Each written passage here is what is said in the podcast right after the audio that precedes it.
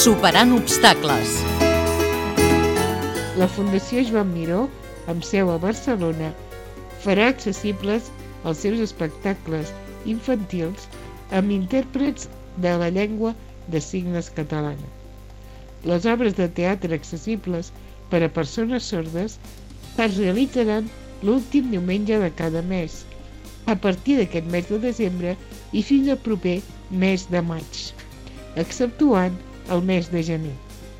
La primera obra interpretada serà El somni de l'espantaocells, de la companyia Centre de Titelles de Lleida. La història que es representa és la de la Toia, que viu en una casa de pagès. Un dia descobreix les restes d'un vell espantaocells. El recompon i, sorpresa, comprova que aquest li parla.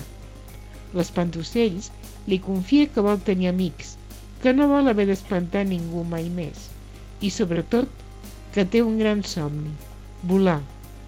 És una història entranyable d'amistat entre una nena i un espantaocells, realitzada per a dues actrius amb titelles i cançons que el públic podrà cantar.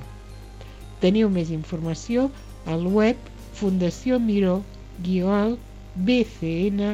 bcn.org o bé al telèfon de la mateixa fundació 93 225 11 11.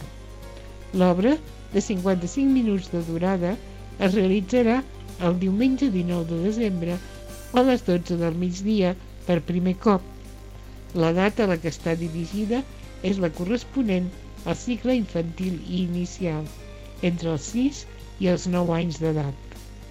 El preu per entrada és de 5 euros i la compra es pot fer a la mateixa Fundació Joan Miró o al Teleentrades de Caixa Catalunya.